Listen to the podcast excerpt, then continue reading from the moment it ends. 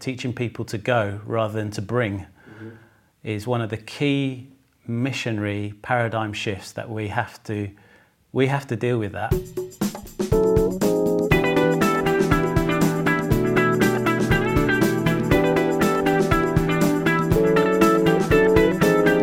Välkomna till avsnitt 12 av Planteringspodden. Hur kan vi beröra våra städer med samma inställning som Jesus? Finns det fler sätt att bygga församling på? Ja, idag ska vi få träffa Mark Cotterill. Han är gift med Emma som är född i Sverige och Mark är tillsammans med Emma pionjärer i Helsingborg. Där jobbar de inom Frälsningsarmén. Mark är ursprungligen från London och eh, vill ni höra mer av honom så har han en podcast tillsammans med en kompis och den podden heter Venture 12 Podcast. Sök upp den och lyssna på den. Jag heter Niklas Mörling. Välkommen till det här avsnittet. Mark Cotterill. Is that how you say your name? Uh, well, I've strangely I've always struggled to pronounce my own last name, but yeah, Cotterill, Cotterill, um, both are right. But uh, even in English, it's not a straightforward name to say. I'm glad I made it. Yeah, you did. Well done. Uh, we're recording this podcast in your city, the great city of Helsingborg. yeah, And I'm uh, honored and excited to be together with you here. we're honoured to have you here. We're honoured to host you in our beautiful city. Wow. Uh, you're married to Emma That's right. since how long? We got married in 2007. And you speak Swedish. Det gör jag, yeah. yeah. Um, uh, how, how did you end up in Sweden? Because you're not Swedish, you come from the UK. I come from the UK, that's right. Um, I was born in London. Uh, my mum and dad are Salvation Army ministers or officers, church leaders. Um, the reason I'm in Sweden is, well, because of love. I Yeah. think the Lord has got something to do with it. I should say that as well. Uh, but Emma's Swedish. Mhm. Um, and, uh, you know, so we, we've both lived and served, uh, worked in different settings in both the UK and, and Sweden. So we, I trained in, I trained to be a Salvation Army um, church leader in London. Mhm. Uh, I did that for a couple of years, and then Emma was uh, studying uh, or finishing her law studies, actually human rights law studies. And then after that, we we were sent, appointed, as we say in the Yeah. Salvation Army, to Manchester, Mhm. uh, which is a um, big city in the north. What did you do there? Well, we planted it. We, we were asked to plant a church in a really tough part of the city. Mhm. So, very industrial, um, pretty poor part of the city. Um, so, that's what we did. And yeah, looking back, lots of lessons learned. As I I guess a lot of people, when they, their first, uh, you know, first appointments or first seasons in ministry, there's so much that you get wrong, Yeah. so much that you kind of like look back on, and you think, I'd never do that again. Yep. Um, so we, we, thanks to the, it sounds really religious, to the grace of God, good stuff happened along the way, and, and really, you know, that that was a good platform for us to think about what we would do next and how we would do things uh, next as well. Um, so so we learnt a lot, but we also, um, yes, we were part of a good story, I think. So you, you met in London, you and Emma. We met in London, well, just a small place just outside London. Hmm. And then you, you got married after a couple of years. Yeah, got married in 2007, yeah. And then you moved to Manchester Yeah. to plant a church. Kind Yeah. I know there's a lot of things in going between, on. yeah. that- that- but the main picture here. Yeah. And then, wh- how and when did you come to Sweden? Well, I came into Sweden this time around in 2015, and that was off the back of um, five years in Manchester. And Emma and myself were both thinking, what would it look, we're thinking, what would it look like to go back to Sweden? And I've always, like, personally been really fascinated with with uh, secular places and uh, and and real mission fields. You know, I've got missionaries in my family. My grandparents were missionaries to All right. Ghana, Tanzania. Okay. They started the Salvation Army in Liberia, Wow. uh, which I'm proud of. That's cool. Um, and Kenya as well. I should say Kenya. That was where they were there the longest. Hmm. Um, and you know, it's, it's moments in my family uh, heritage where people have gone to Africa and so forth. But I never felt called to go to those kind of places. Hmm. Um, uh, and I, I wouldn't. I'm not sure I'd say it was a, a I wouldn't, I've always said it was a calling, but a fascination with places that are well past the story of the church and well past, you know, most people don't even ask what's God doing or even pray or thinking about those kind of things. And Yeah. I mean, we're familiar with the secular kind of context and, and that water. Mm-hmm. Um, but yeah, so I've always been curious to the frontiers and, and the edge Yeah. uh, and the you know the unkind of chartered places. And, and for me, I always thought Sweden, ah, it's an interesting place. Lots of great things there, but um, certainly, uh, yeah, certainly an interesting place. I think it's a good word to use for the church Yeah. and how it finds itself and stuff like that. So Hmm. a big fascination. So, what year did you come here? 2015. 15. Yeah, you said that. And what happened then? What was the Well- first thing you did? What well- did you come to? Well, we kept we, funnily enough, we closed down the church. There was a few old ladies. Um, our decisions in the early days weren't always popular with even the Salvation Army, um, but we felt we needed to close it down uh, and go from a completely blank canvas. Um, and actually, the, I think the thing was we, firstly, we never saw ourselves as church planters like, from the beginning. We saw ourselves as missionaries. I think Yeah. there's a difference. Uh, I think they're very similar and they overlap. But first of all, we saw ourselves as missionaries. So uh, the way we saw the first year, particularly, was what does it look like to listen to our city? Uh, what does it look like to get to know our city, to meet our neighbours, um, to to work out where God's will is being done and where it's not being done, to work out what's lovable, what's unlovable, uh, where where where people tend to inhabit, where they go, where they gather. Uh, you know, the Christians that are passionate about Jesus. Yeah. Um, who are they? But also the Christians that are passionate about not just what happens on a Sunday or what happens in, in a building or in a few hours during a week. Hmm. But who are the Christians who are bothered about the city, the life of the city, the stories of the city? Hmm. So we, we very much went with like a missionary kind of mindset rather than trying to start things up. Hmm. Or here we are, Mark and Emma have arrived, Salvation Army's back in town, boom, open the doors. Come on. Uh, yeah. I have the scene before my eyes. Do you? Yeah. we didn't, uh, thank goodness. Um, and I know that's the way a lot of churches go around church planting and still do to this day. But we, in our bones, we had a much more kind of we're missionaries first before we're church planters. Mm. And I think it's an interesting distinction to make. So we very much went with that that mindset. What does it look like to join things rather than be the host? Yeah. You know. But can I ask you that if if you say that there's a difference between being a missionary and a church planter, is there something in the church planter's mindset that you think should you know change? I, I think so. I think, I mean, some people get this intuitively, uh, but I think most of us have grown up in a world or a paradigm where, and we see some great examples of the mega church models, and even like, I don't want to mention names, but some very branded forms of church that just show up at a city, Mm. put some posters up, Mm. you know, do some flyers and invite people to the events. Mm. Um, and they've got the muscles to do that. Uh, but most of us don't. No. you know, most of us don't have that capacity to draw people in, you know, Mm, with mm. our music or with our with our model, with our with our.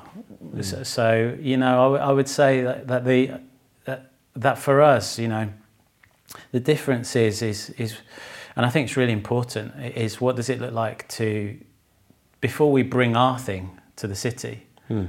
what does it look like to get the city into us?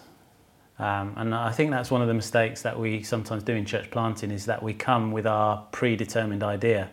We come with our even our preferences of Yeah. what we want church to be like, Yeah. uh, a- and we kind of land it. We just like we put the flag in the sand and we expect Yeah.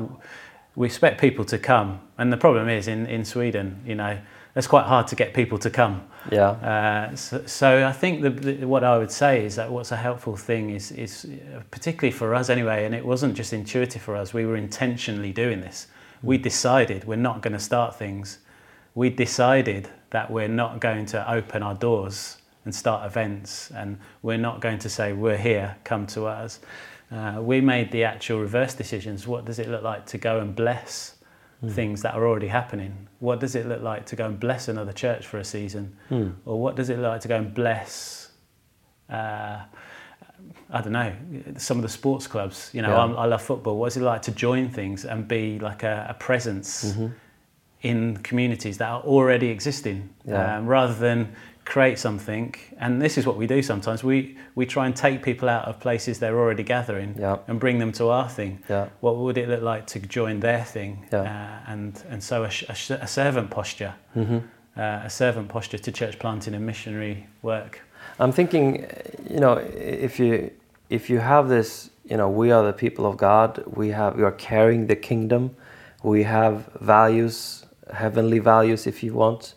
We have something to offer to the city and community. Is it easier if you come from that perspective, which is not wrong, uh, to try to host things instead of be a guest, as you're saying?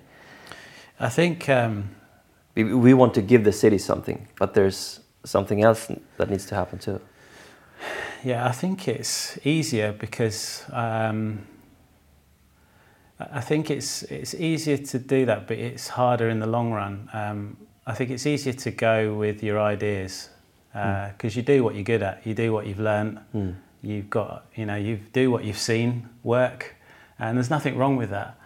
I think it's a harder journey to kind of um, hum- I think it's I mean hum- humbling yourself to the story of the other Yeah. to the story of the city, to the pains, to the brokenness, Mm.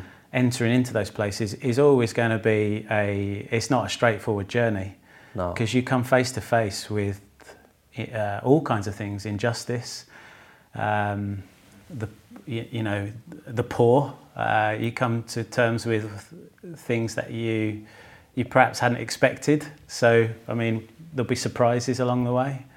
Oh, this is how people work in this. This is what they're thinking about. Oh, this is this is their values. Uh, and when you when you decide to jump into another culture, and you and you you experience their value system, um, it's all, there's always going to be like a bit of a, a tension. Yeah. But if you if you just go with what you know and you decide no, we're just going to drive our story, and, and whoever comes, we'll invite whoever, and if they come, that's great. Yeah. I think to some degree that's easier, but I found um, in the long run, it takes a lot of energy to keep doing that. you Yeah, know. I agree. Uh, I know you, you talk sometimes about, you know, around these things, how Jesus approached people and places and communities. Can you say something around that?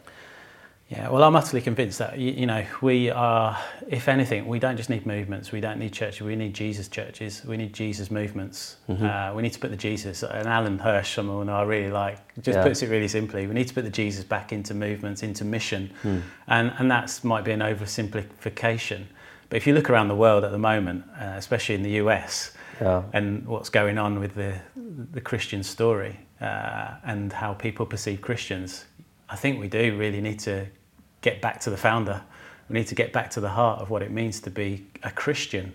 Um, so, what it mean? What does it look like to not just be led by Jesus? Uh, what does it? Uh, of course, we want to lead other people to Jesus, but in order to do that, we need to learn to lead like Jesus. We need to do what he did Yeah. uh, in the ways that he did. And um, I mean, just a simple question: How many times was Jesus the host? Can't remember. Not very often. Many, but how many times was he the guest? uh, many times. Many times. And then a strange thing was, whenever he was the guest at something, he ended up almost acting like the host. Such was the authority that he had. Yeah. And I believe that with the Spirit of God in us, uh, those things can happen when Christians act and uh, uh, like Jesus. That we can go into places, and that the authority of Christ uh, comes alive in a way where uh, doors open and we get to minister to people in places we never would expect. Now, that's just one thing. Jesus was much more ready to go into places rather than to invite people to his thing. Um, so, what would it look like? We're missionaries, just like Jesus, the Yeah. sent one. We're missionaries. What does it look like to go, to join, to bless, and to inhabit places where people already are, just like Jesus did? Yes. Um, uh, that, so I think it's like it's worth the journey, not just like reflecting on on, on, what Jesus said or, or or what Jesus did with his disciples, but dig deep into how Jesus actually actually lived. Uh, and you see like all kinds of unexpected things happening. Um, he ends up in places which other people get very angry with him about Yeah. and disturbed about. The, often the religious people. Um, Definitely. So, so I think like there's, a, I think I think for us that's that that's as important as what does it mean to be led by Jesus in our hearts is what does it learn to lead others and train others uh, in the way Jesus trained people. That, that's crucial, and I think that going, teaching people to go rather than to bring, is one of the key missionary paradigm shifts that we have to we have to deal with. That if we don't deal with that in our Swedish culture, Yeah. Because that's what I've been taught. I've been taught to bring people to things. Um, I've been taught to teach as well. Uh, we often Christians often come with a teaching perspective rather than a listening perspective. Um, but Jesus quite clearly had absorbed Nazareth into him. Yeah. He, he, all of his stories were really connected to the land. It was, you know, they were. Yeah. He was so connected and contextualized with, with the stories of the place. Yeah. Uh, so he'd, you know, he'd got that in him. He didn't just come and, and show up and like, here I am. I love how Eugene Peterson uh, put it. Uh, he moved into our neighborhood. Yeah, it's so beautiful. Yeah. Yeah. I think if we if we if we relearn how to move into the neighbourhood, Mm. uh, I think a lot of our issues would a lot of them would be solved pretty quickly. Yeah. Um, and that means what does it look like to be good news to our neighbourhood? Yeah. That's a different question. Or what? That's a different question to what does it mean to come with the good news to a city? What is it like to be good news in your neighbourhood Yes. uh, with the with the people who live around you, Mm. uh, with the ten streets around your house? That's a di- it's a different question. But it, uh, you have to admit that it, it's it's a hard uh, shift or a tough journey to do in your in your head and your heart if you're trained to invite, you're trained to teach, you train you train in that way and then shift. I mean, you you've done that journey. You're on that journey. Yeah. Which is the hardest part? You think? I think the hardest part is thinking that um, everybody's going to get it. Uh, like we're so used to teaching everybody from the front, you know, or we've got this new idea, we've got a new vision for our church. Let's teach everybody from the front. Yeah. I think that idea we've grown up with. That's where we do our teaching from the pulpit, from the platform. What does it look like to lead like Jesus? Well, he always started with a few Hmm. rather than the many. Yeah.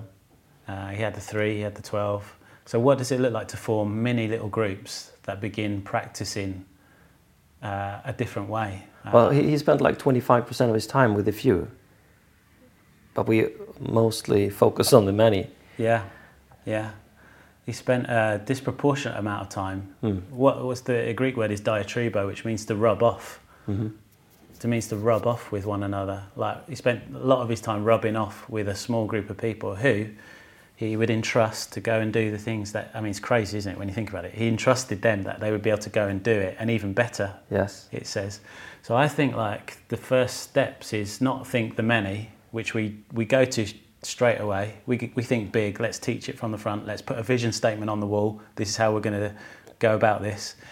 I think we need to form small, mini, micro groups that decide to practice this kind of kind a new kind of way. So I would always like suggest what are your first steps? Start with a few. Um, and then you can point to it when it works rather than preach it and hope it works Yeah. later on in, later later on Yeah.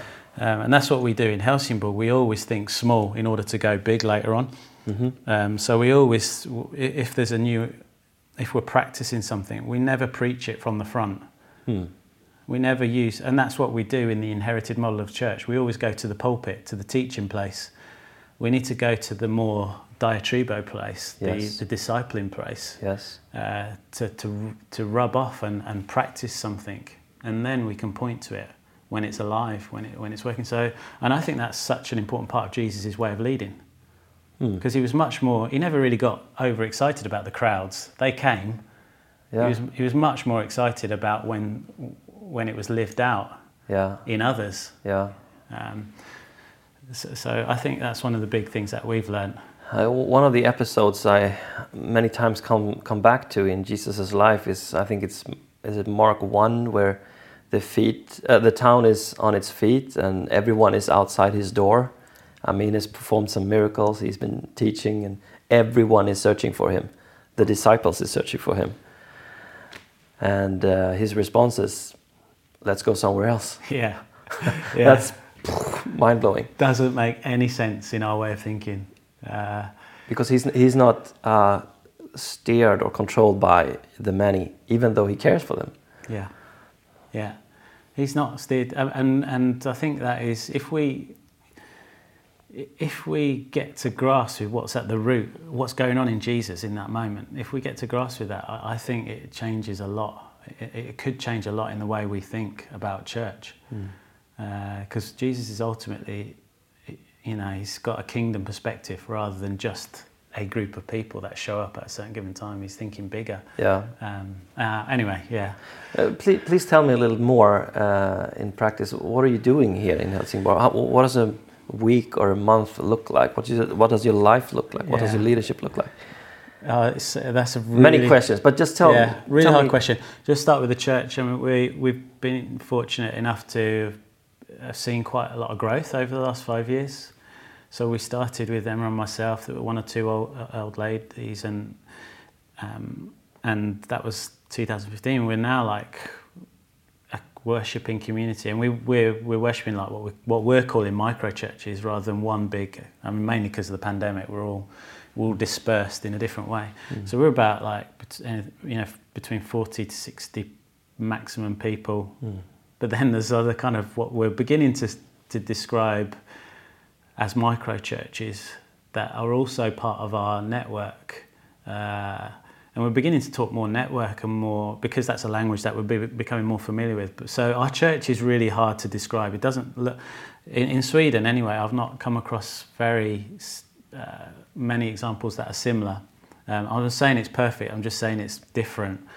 Um, and we've never been massively kind of um, uh, driven by the big gatherings anyway. Um, uh, and we've always had what, what we'd call a very adaptable culture. So we've, we've changed and evolved. So Yeah. 2016 looks very different to 2017, Yeah. 2018, and so forth. It's been quite a fluid way of doing church, um, and that's because, like from very early on, we we decided that the main thing was was to develop more of an apprenticeship kind of thinking uh, and, uh, and and I guess traditional small group kind of thinking that that was the most imp- that was discipleship's the end goal rather than gathering. Um, so, so and that's led us into a, a, a different, what, perhaps a different form of church. So, like my favourite part of the week in a normal time would be the pub, the pub group. Yeah. So we meet in the pub with a load of guys and talk Yeah. about faith, life,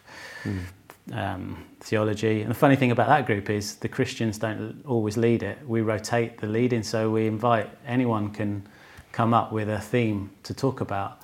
Uh, how how many people are in each of these groups? I guess I guess it differs, but Different, yeah. So pub group's about I don't know eight maybe on a uh, yeah. And it's just talks, just sharing lives and Someone, yeah. Well, I mean, the model is someone comes, shares for ten minutes, then we break up into groups in the pub.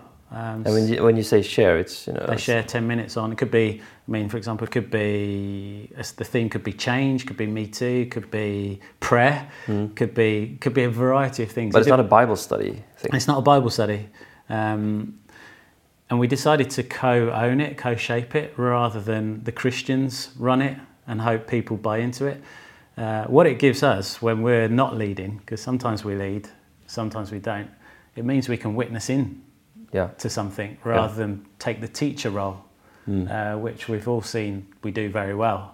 Uh, and I'll tell you what, the most God graced moments in our church, at least in my experience of church, have been in pub group. Um, the most prayerful moments, we always end up with a, a prayer. If there's a Christian leading it, it'll be a prayer or a, a Bible like kind of connection point. Um, If they're not, sometimes they end with a poem. So we always try and take it from the head because men, when they get together, they love to talk stuff and it often just sits in the head space. Yeah. So we try and help people like, what does it look like to take it from the head to the heart? Um, so But is, is there anyone who is considered as a host in that kind of group? Or is No one's a host. Oh. Everyone's a host, um, and we we deliberately do that uh, to get away from the Christian teaching Yeah. we're going to organise this. So there's no appointed leader in. No, only for that one given Tuesday night. Okay, so pub group is an hour and 15 minutes. It could be anyone leading, and they've planned it. So they come with their topic, talk for 10 minutes, then they give us questions, we break out, then we come back and we would do a reflection, the heart stuff. Yeah. And then usually we watch Champions League football. Come on. So that's the that's that's why we're all there really. I think you should put in some more ice hockey into that culture. Oh, is that right? Yeah, yeah. I think it could be the key to the next level. Could be. Yeah, Yeah. multiplication. Yeah. So uh, you have other kinds of groups, or is that a typical? Well, that's one of the groups. So you got, we've got. I mean, the church has got big, got a big human trafficking work, um, which I, can see the time is running out. But it's such an amazing work um, that we never would have thought was was going to grow to how it has, like in the early days. But I mean, we it's, it's grown to well firstly it's a network so we work you know in one form of it we work together with the police social services uh, other christians um, and we try and ch- deal with the problem of human trafficking and prostitution in helsingborg together with these actors. Good. then it's a community. I can't say too much about it because it's it, Yeah, I um, understand. it's a, it's a community of people that gather uh, uh, and we do a lot of visiting. So we've got people who work in this project uh, an amazing person who goes around uh, there's like 40 50 uh, Thai massage parlours um, and just building relationships with this community and regularly going there and, and so yeah, it's a lot. Uh, to cut a long story short, it's hugely relational. So to call it a project would be a bit misleading. Yeah. We, we're talking about we're building real relationships, and that's one of the priorities of the way we go about everything. That it's it's it doesn't just look like a project, but it feels more like a family. So Uh, beautiful. Uh, they're more relationships. So we our end goals are. Oh, many of the goals are out of our hands, but we our big heart is to just listen and to get alongside people and show them that they're loved by God Mm. and that they are valued and that there could be another story for anyone's lives. And these things are happening under every whatever city you are in Sweden. You know, many of these things are unseen and unhidden, and and just so happens that we stumbled across it. We didn't go about trying to find it. Someone kind of showed us and welcomed us into this the situation with, Yeah. with trafficking and, and, and stuff like that in Helsingborg. Yeah. Yeah, but I'm not best to talk about that. Uh, there's other people No, but it's could. just you should do- interesting to hear. And uh, you mentioned that during the pandemic you're not meeting in all, all people together, but if there is no pandemic, which we hopefully come to that season as well, you have weekly gatherings, some kind of worship service you mentioned. Yeah, we. I don't know what we'll do after the pandemic, to be honest. But you had it before the pandemic. Yeah, we did. Yeah, we had w- weekly gatherings. Um, What were they? What were they like? uh, well, we we varied them. So one Sunday we'd have more of a focus on teaching. Um, so normal teaching, then we break into groups on a Sunday gathering. Uh, perhaps a little bit less music time. Um, so pretty standard, really. And then the other ones we try and create more of space for.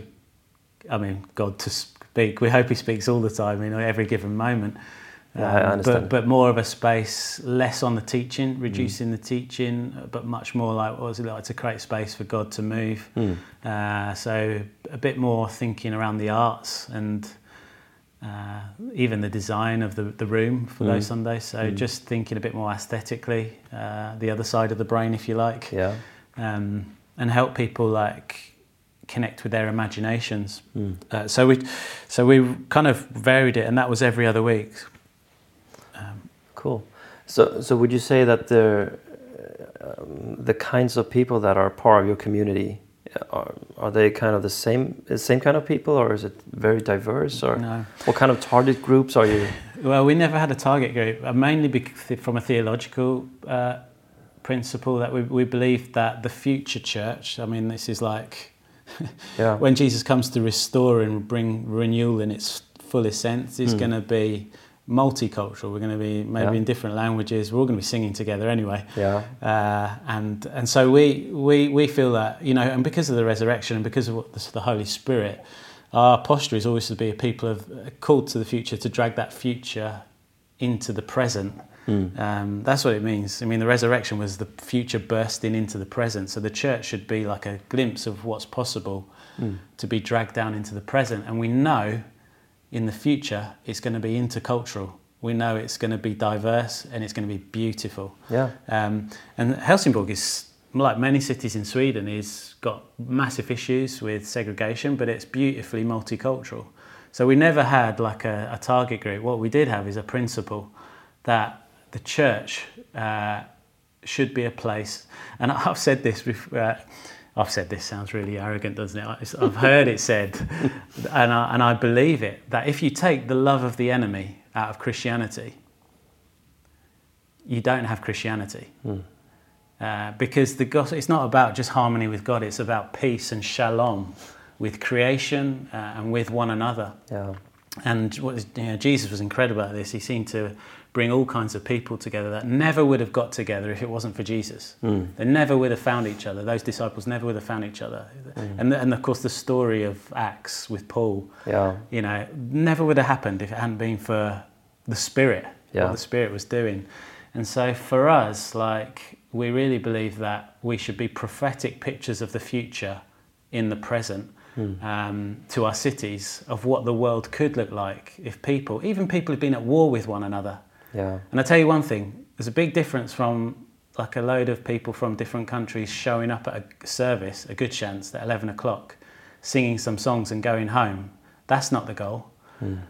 The goal is what does it look like to carve the future out together, new futures together. That's hmm. what it means to be intercultural. That's what it means to be multicultural. That's what it means to reflect what I believe is, is, is, is the eschatological hope Yes. of the kingdom of God Yes. Uh, where all people come together, enemies come together. Yeah. Why? Because Jesus is able. Yes. Because the resurrection tears down all those barriers and makes all things possible, and that's because of love.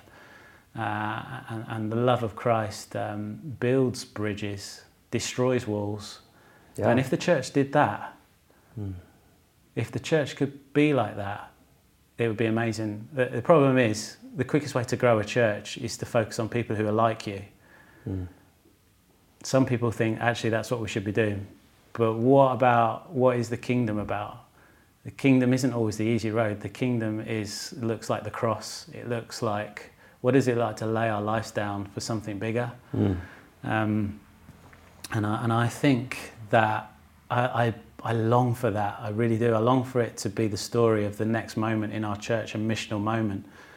Uh, that, and look at our world. It's Yeah. you know if the cries of the people, certainly in the US, the cries of the people in the UK as well, with the race riots and with you know with uh, issues of sexuality, all, all kinds of these issues. Yeah. The cries of our world. They're wondering what are the Christians doing. Uh, what if we could be healing and transformative communities where bridges are built um, and we show it's possible for enemies to come together, even people who've been at war with one another, Yeah. to become brothers and sisters. Well, this world needs peace more than many other things. Yeah. And that's good news. Yes, absolutely. Hey, uh, thank you so much, Mark, for being a part of this. We could talk for another three hours, and I think we should another time. Yeah, I'm really long in my answers, so please forgive me. No, it's really good. I really enjoy this. So thank you so much for being a part of this podcast. It's been a real honour. Thanks for inviting me on the show. God bless you. Yeah, thank you. Ja, det var verkligen jätteintressant att få träffa Mark den här vackra vårsöndagen i Helsingborg. Vill ni höra mer av hans podcast så lyssna på Venture 12 Podcast. Om ni vill eh, läsa mer om plantering så kolla på webben plantering.se eller vidare.nu, Instagram plantering.se. Där kan ni hänga med vad som händer. Eh, skicka gärna in eh, kommentarer, vittnesbörd och så via de kanalerna. Och så får du gärna komma med tips på hur vi kan göra podden ännu mer intressant. Håll utkik efter nästa podd så hörs vi framöver. Gud välsigne dig. Hej då!